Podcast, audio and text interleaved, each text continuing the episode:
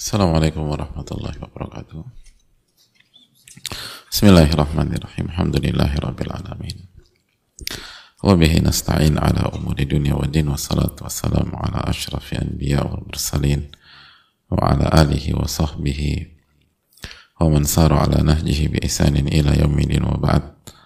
Allahumma inna nas'aluka ilman nafi'an wa na'udzubika min ilmin la yanfa'. Hadirin Allah muliakan, Alhamdulillah kita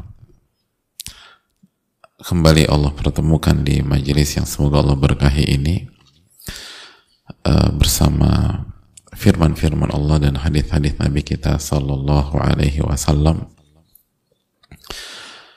Lalu bersama para ulama kita, salah satunya adalah buku yang sangat fenomenal,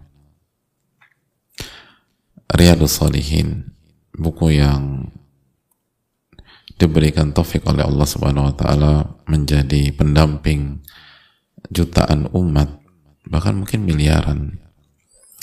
Semenjak buku ini ditulis oleh nama besar dalam dunia ilmu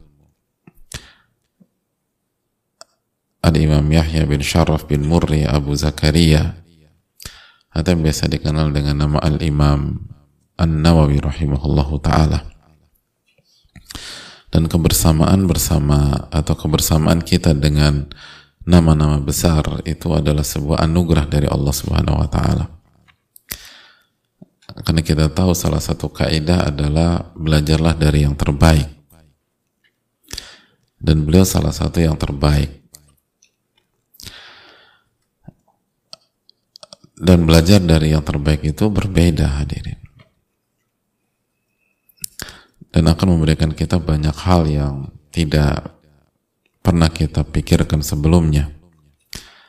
Membuka uh, keluasan berpikir. Dan yang lebih penting dari itu orang-orang terbaik itu dengan taufik Allah bisa memasukkan sesuatu ke dalam hati kita. Dengan pertolongan Allah Subhanahu wa taala karena ketulusan mereka, keikhlasan mereka. Oleh karena itu hadirin Allah muliakan. Uh, PR kita adalah bersyukur kepada Allah Subhanahu wa taala ketika Allah Subhanahu wa taala memberikan kita kesempatan uh, belajar dengan Al-Imam An-Nawawi rahimahullah taala dan kita PR kita bersyukur ketika kita berkesempatan belajar dengan para ulama kita. Dan semoga Allah memberikan taufik dan hidayahnya kepada kita. Amin ya rabbal alamin. Dan kita meminta kepada Allah ilmu nafi ilmu yang bermanfaat dan dilindungi dari ilmu yang tidak bermanfaat. Allahumma inna nas'aluka ilman nafi'an wa na'udzubika min ilmin la yanfa' Ya Allah berikanlah kami ilmu yang bermanfaat dan lindungilah kami dari ilmu yang tidak bermanfaat Allahumma alimna ma yanfa'una. Ya Allah ajarkan kami yang bermanfaat bagi kami. Anfa'na bima tanah dan berikanlah manfaat dari apa yang kau telah ajarkan kepada kami. Dan berikutnya salawat dan salam semoga senantiasa tercurahkan kepada junjungan kita Nabi kita Muhammadin alaihi salatu wassalam beserta para keluarga para sahabat dan orang-orang yang istiqomah berjalan di bawah naungan sunnah beliau sampai hari kiamat kelak. Uh, hadirin Allah muliakan kita akan melanjutkan dalil berikutnya yaitu hadis Abu Abdurrahman Thauban atau Abu Abdullah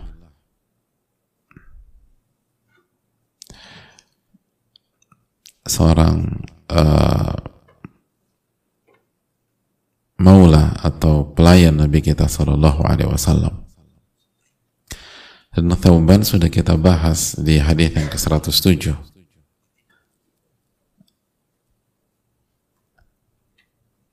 Hadirin Allah muliakan, mari kita uh, masuk ke dalam uh, hadis ini.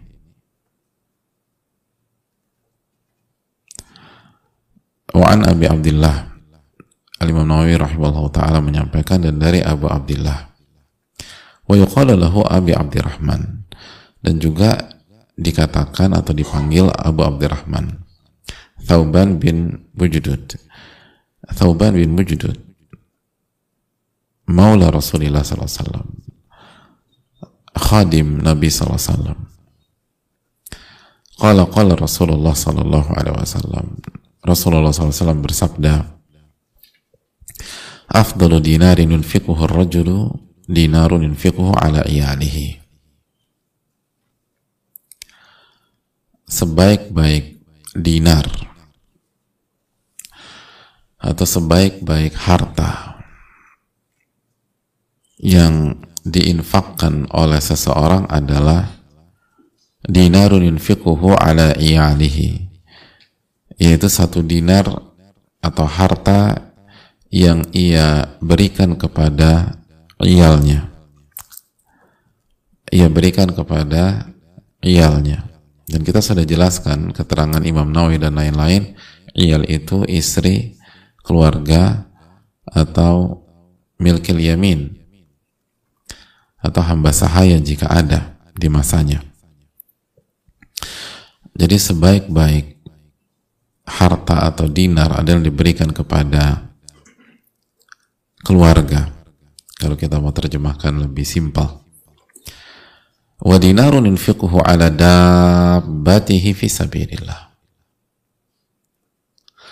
Dan satu dinar yang dia infakkan untuk kendaraannya yang dia gunakan yang digunakan untuk di jalan Allah Subhanahu wa taala. Wa dinarun yunfiquhu ala ashabihi fi sabilillah.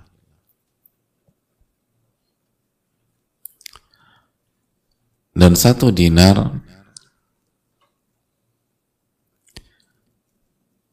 yang ia infakkan untuk sahabatnya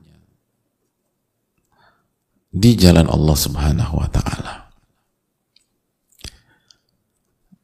Itu tiga hal yang disampaikan Nabi SAW. Hadis riwayat Imam Muslim. Jadi afdalu dinar, kita ulang, afdalu dinar. Sebaik-baik dinar. Yang diinfakkan oleh seseorang yang diinfakkan oleh seseorang adalah dinar yang ia infakkan untuk keluarganya. Yang diinfakkan untuk keluarganya.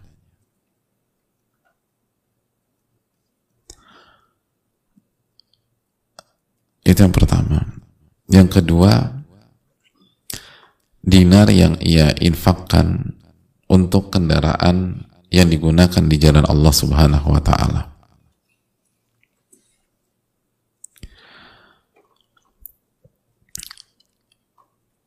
Dan satu dinar yang ia infakkan untuk sahabatnya atau saudaranya di jalan Allah Subhanahu wa taala.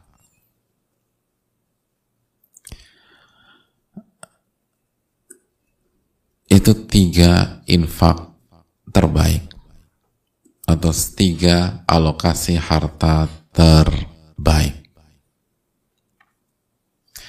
sebagaimana hadis Tauban ini dan ini harus kita ingat. Oleh karena itu pelajaran yang pertama yang dijelaskan oleh para ulama hadis ini memberikan kita pelajaran tentang uh, fikih skala prioritas. Bahwa amalan itu banyak hadirin. Ibadah itu banyak. Yang butuh tuh banyak tempat atau pihak yang menerima alokasi dana kita banyak. Sedangkan harta kita terbatas. Waktu terbatas. Tenaga terbatas, energi terbatas, tenaga terbatas.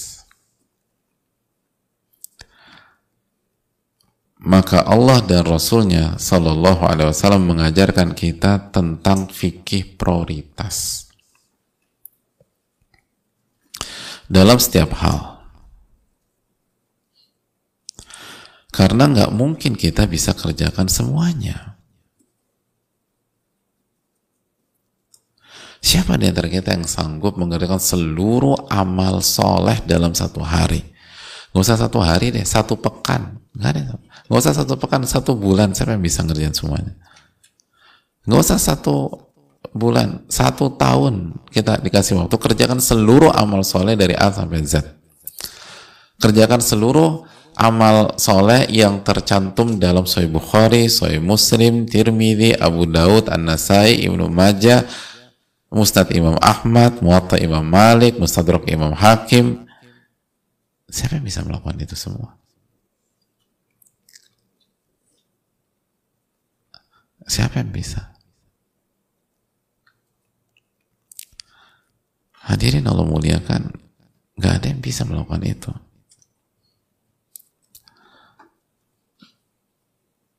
Karena kita ini manusia yang penuh dengan keterbatasan.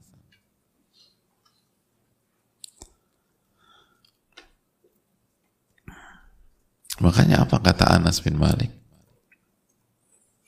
Kana rajul idza qara al-Baqarah wa ala Imran wa ala Imran jalla fi a'yunina.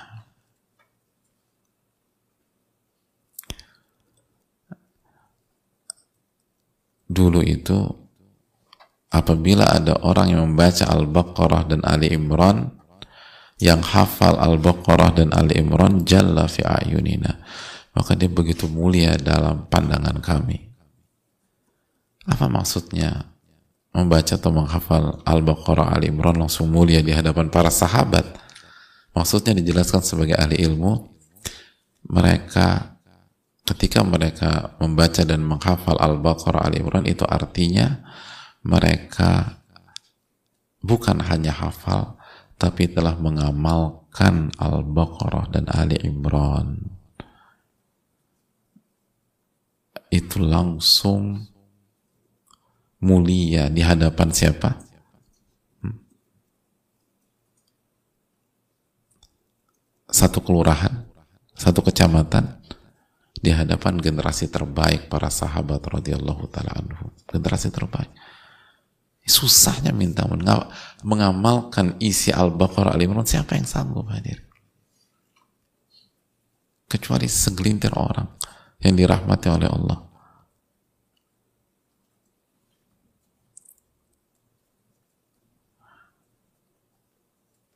Makanya hadirin Allah muliakan.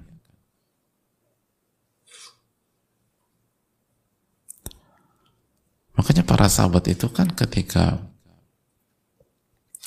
uh, menghafalkan Quran, mereka pun mengamalkan apa yang mereka hafalkan. Sehingga mereka butuh waktu panjang kan.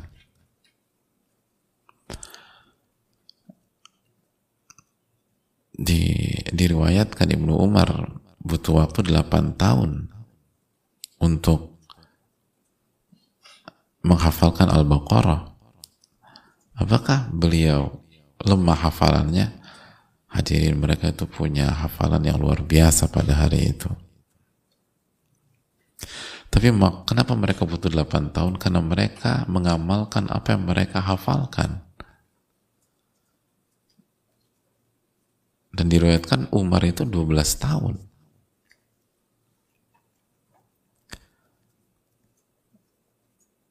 Bukan hanya sekedar ngafalin seperti kita sekarang. Itu baru satu surat. Walaupun memang connectingnya banyak. Udah kalau Al-Baqarah hampir ke semua surat connectingnya. Koneksinya. Tapi artinya mengamalkan semuanya itu susah minta pun orang orang orang terbaik aja butuh bertahun-tahun orang-orang terbaik Siapa yang meragukan kehebatan Ibnu Umar? Siapa yang meragukan kehebatan Umar bin Khattab radhiyallahu taala anhu bersama Ibnu Umar? Makanya itu tadi barang siapa yang sudah bisa, sudah menghafalkan Al-Baqarah, Ali Imran di zaman sahabat Nabi SAW. Kata Anas, itu sangat terhormat di hadapan mereka. Oh, nggak sembarangan. Kenapa? Karena konsep mereka itu mengamalkan bukan hanya sekedar dihafal.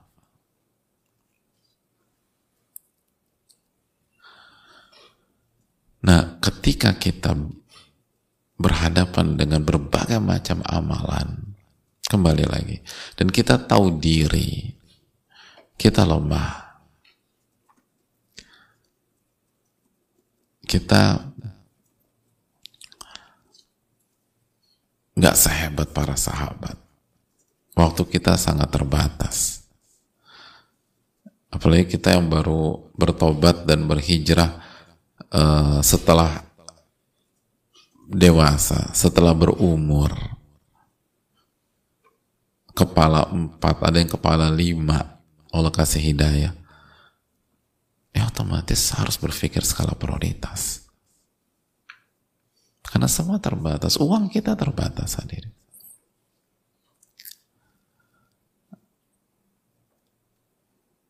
Oleh karena itu hadirin Allah muliakan.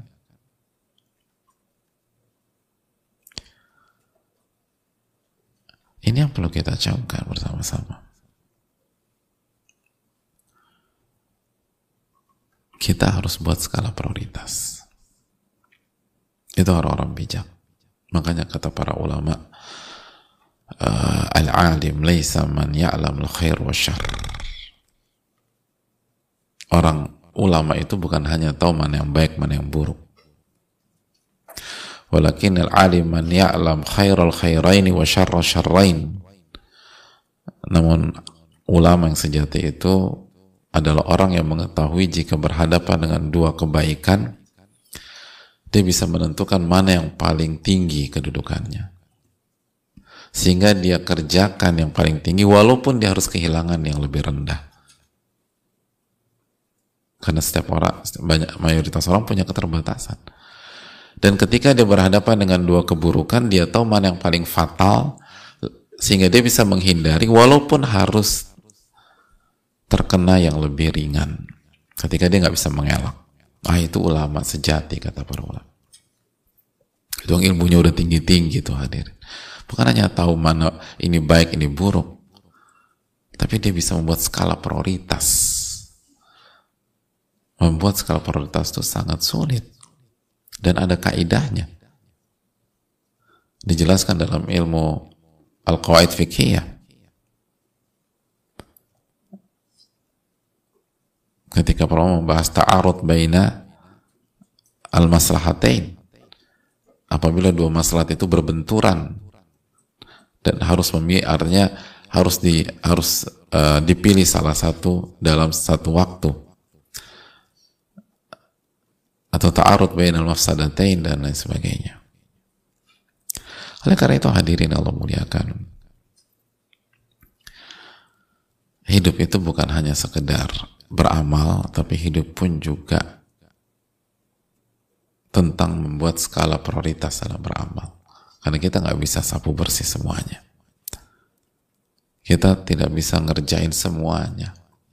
Kita harus memilih dan pilih yang paling bermanfaat buat kita pilih yang paling besar pahalanya pilih yang paling besar keberkahannya pilih yang paling luas skupnya pilih yang paling membuat kita mendulang kebaikan di dunia dan di akhirat dan ketika kita berbicara tentang memberikan harta memberikan dana berinfak maka ini salah satu hadis yang harus kita baca dan kuasai dalam bab ini dan harus kita pegang erat-erat. Ada tiga hal yang dijelaskan Rasulullah SAW dalam hadis Tauban ini afdolu dinar sebaik-baik harta yang diinfakkan. Yang pertama dinarun yunfiquhu rajul atau dinarun yunfiquhu ala iyalihi. Satu dinar yang dia infakkan ke keluarganya ke istri ke anak-anak ke keluarga dan ke milk yamin di masanya. Itu paling besar pahalanya. Paling besar hadirin.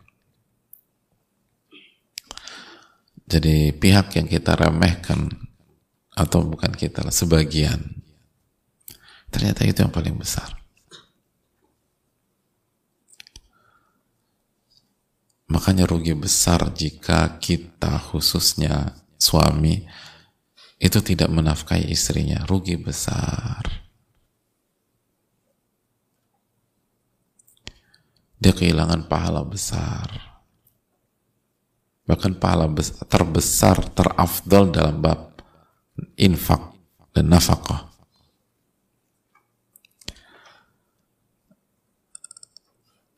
Dan rugi besar jika kita atau keluar rumah tangga tidak mencari nafkah atau tidak bekerja atau tidak berdagang atau tidak ada usaha sehingga dia tidak bisa memberikan nafkah kepada istri dan anak-anak itu kerugian yang sangat besar.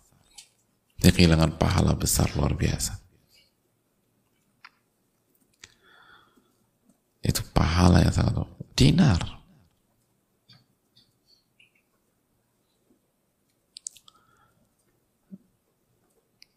satu dinar aja itu pahalanya gede banget tadi Jadi hadir ini membuat kita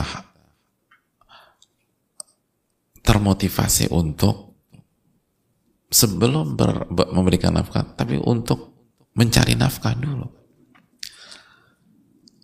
Bekerja atau mendapatkan pemasukan yang halal. Mau itu jadi pedagang, pebisnis, atau punya saham, atau uh, jadi uh, pegawai. Baik di level atas sampai level level terendah. Yang penting dapat uang halal. Yang penting halal. Lalu kita bisa nafkahi keluarga kita sesuai dengan kemampuan kita walaupun aja puluhan ribu saya kejar pahalanya adapun kalau kita nggak punya pemasukan yang halal kita berpangku tangan, kita nggak ngapa-ngapain, terus gimana kita dapetin pahala sebesar ini?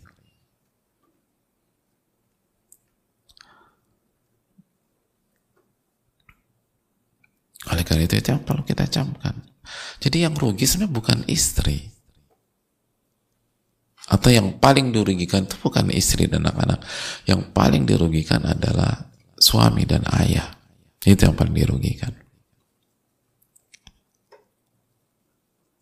suami dan ayah.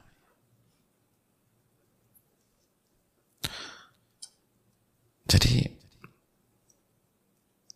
memberikan nafkah itu penting dan pahalanya gedenya luar biasa. Dan salah satu uh, hal yang uh, bisa kita pahami dari hadis ini sebuah sebuah hal yang perlu direvisi hadirin ketika sebagian kita semangat untuk sedekah tapi pelit sama istri. Pelit sama anak. Bahkan nggak ngasih. Tapi kalau kasih ini tuh ada dia ngasih atau hanya mengandalkan istrinya? Sebagaimana banyak pertanyaan. Bagaimana dengan suami yang mengandalkan istrinya? Uh, bukan makan dari uang istri enggak. Itu itu udah itu banyak juga. Tapi ada sebagian suami itu menganggap istrinya udah kerja. Ya udah karena dia udah istrinya udah kerja ya udah dia makan pakai uangnya sendiri aja. Nggak perlu dinafkahi lagi oleh suami gaji gaji suami atau pemasukan suami ya untuk yang lain. Itu sebuah kesalahan juga. Atau yang lebih tepat kerugian. Karena Anda kehilangan pahala infak tertinggi. Dinarun yunfikuhu ala iyalihi. Jadi ketika kita mengandalkan istri kita untuk menafkahi dirinya sendiri diri si istri karena uh, istri punya penghasilan, istri punya bisnis atau istri punya salary yang tinggi atau secukupnya berarti kita kehilangan kesempatan mendapatkan sebaik-baik nafkah dan sebaik-baik infak.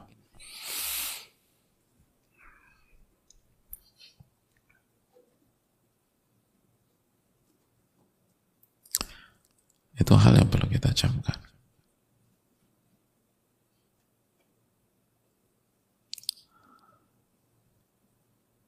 Itu yang perlu kita renungkan. Itu yang pertama. Yang kedua, wa dinarun infiquhu ala dabatihi fi sabilillah. Wa dinarun infiquhu ala ashabihi fi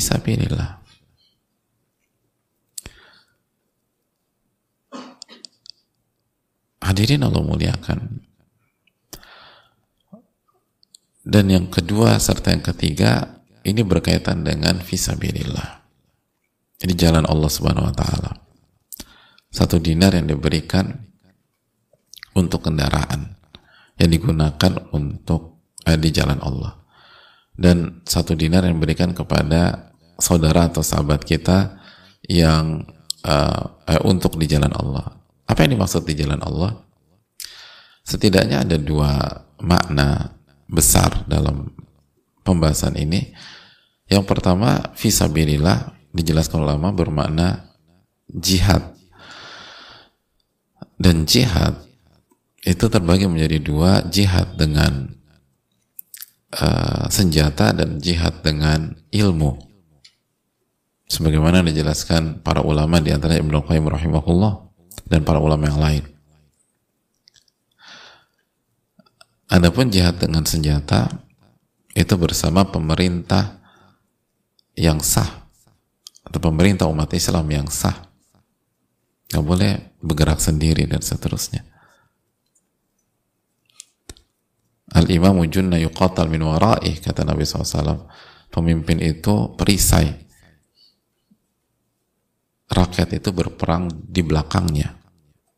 Jadi dengan pemerintah yang sah bukan uh, di dibuat-buat sendiri. Tapi pemerintah yang berdaulat dan pemerintah yang sah. Jadi kalau pemerintah uh, mengumumkan hal ini maka menginfakkan harta untuk itu pahala besar.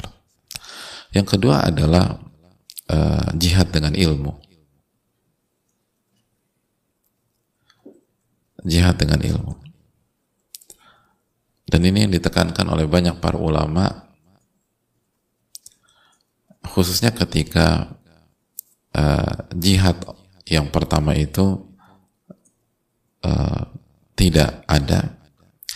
Dan khususnya ketika tersebar banyak sekali kebodohan, ketidaktahuan dan minimnya ilmu di sebuah negeri Jadi misalnya negeri itu damai, nggak ada peperangan, nggak ada apa pun. Khususnya di negeri itu eh, banyak orang nggak ngerti ya, tentang agama, nggak ngerti tentang Islam, nggak ngerti tentang iman, nggak ngerti tentang tauhid, nggak ngerti tentang syirik, nggak ngerti tentang maksiat. Maka ini kata para ulama jihad yang sangat ditekankan, sangat ditekankan. Maka apabila kita memberikan harta kita dalam jihad ilmu atau dalam dunia ilmu sehingga bisa digunakan untuk berdakwah, bisa digunakan untuk uh, proses belajar mengajar, bisa digunakan untuk uh, memberantas buta huruf Al-Quran, bisa digunakan untuk uh, orang itu mengenal iman, mengenal Allah Subhanahu wa taala, kembali bertauhid, itu seafdol-afdolnya infak dan pemberian. Seafdol-afdolnya. Itu pahalanya sangat-sangat besar. Makanya para sebagian ulama mengatakan kalau mau berjuang dalam hidup pada konteks hari ini yang paling paling besar adalah di antaranya berjuang di dalam dunia ilmu. Bagaimana mencerdaskan umat.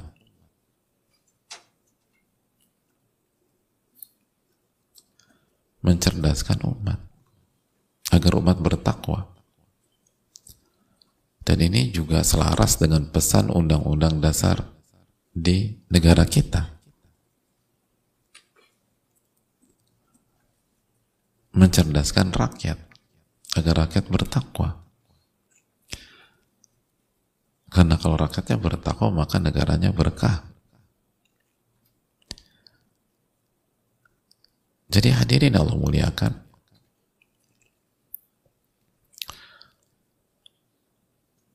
Sekali lagi bahwa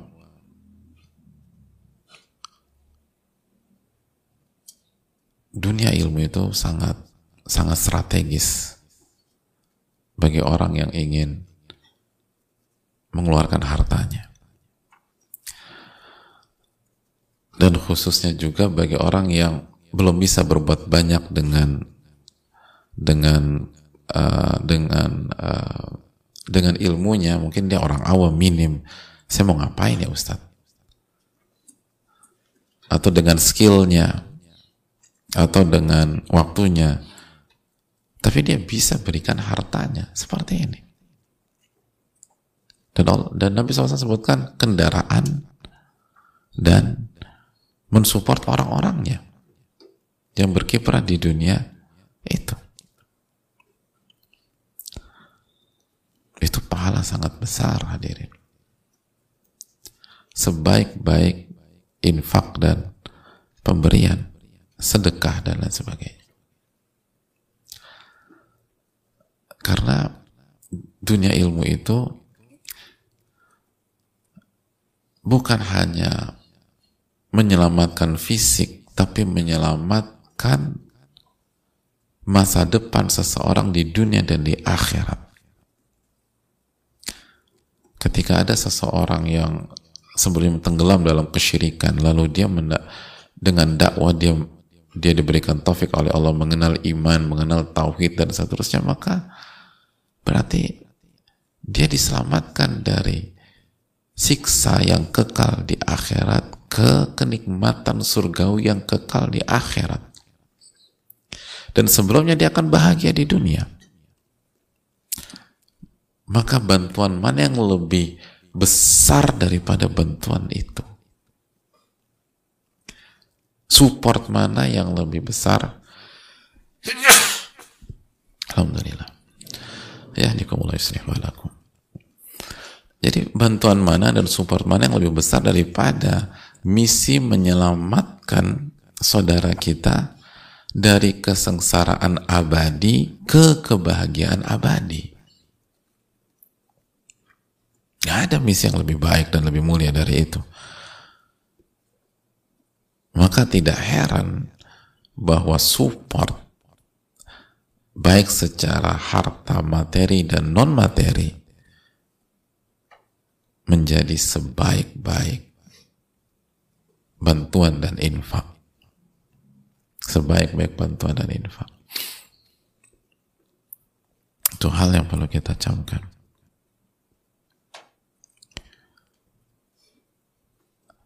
Dan yang perlu kita renungkan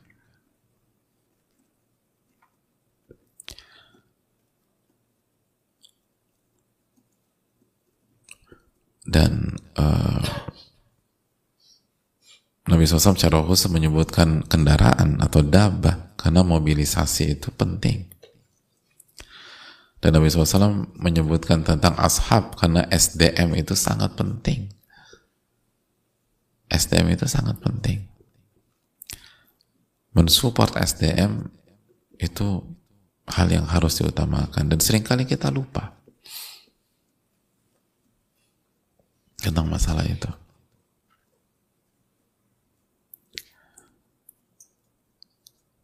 Seringkali kita melupakan hal tersebut. itu makna khusus visabilillah. Makna yang makna kedua makna umum. Visabilillah artinya di jalan Allah. Jadi semua amal soleh di jalan Allah maka masuk ke dalam makna yang lebih umum dari visabilillah. Jadi kendaraan yang digunakan untuk amal soleh itu infak di situ itu afdol gitu loh. Itu afdol. Misalnya ya banyak kendaraan operasional untuk anak yatim misalnya. Atau ada pengan apa pengada uh, misalnya kita support ambulans buat orang sakit atau mobil jenazah. Atau uh, sepeda. Atau motor. Khususnya untuk uh, amal-amal di pelosok dan lain sebagainya. Jadi kendaraan itu penting. Asal digunakan untuk amal soleh. Dan di jalan Allah. Begitu juga orang-orang yang uh, yang berada di jalan Allah Subhanahu wa taala, yang melakukan kebaikan, amal soleh, uh, ibadah, itu semua uh, hendaknya kita dukung. Dan juga dijelaskan para ulama di antara penekanannya juga safar safar-safar ketaatan karena penyebutan kendaraan dalam hadis ayat hadis ini juga memberikan pesan secara tersirat tentang safar-safar ketaatan seperti umroh dan haji mensupport orang yang ingin haji atau umroh. Itu salah satu seafdal-afdalnya infak dijelaskan para ulama. Jadi eh, safar-safar ketaatan itu penting. Atau tentang uh, riset yang nanti akan digunakan untuk di jalan Allah Subhanahu wa taala untuk kebaikan umat itu kalau didukung luar biasa. Ini ada banyak hal. Penuntut ilmu kalau kita support penuntut ilmu itu sebaik-baik infak. Sehingga mungkin hasilnya belum sekarang belum tahun depan belum dua tahun lagi. Tapi ketika mereka jadi mereka jadi dai, mereka jadi mubalik, mereka jadi ulama, mereka jadi ustadz, mereka jadi tuan guru, mereka jadi kiai. Maka itu kita panen pahala hadirin. Kita panen pahala. Itulah yang harus kita camkan. Itu yang harus kita renungkan. Gak ada ruginya menginfakkan di jalan Allah Subhanahu wa taala. Allah taala bisawab. Ini yang bisa disampaikan. Dan insya Allah kita akan buka sesi tanya jawab pekan eh, eh besok insya Allah taala. Saya rasa cukup. Wassalamualaikum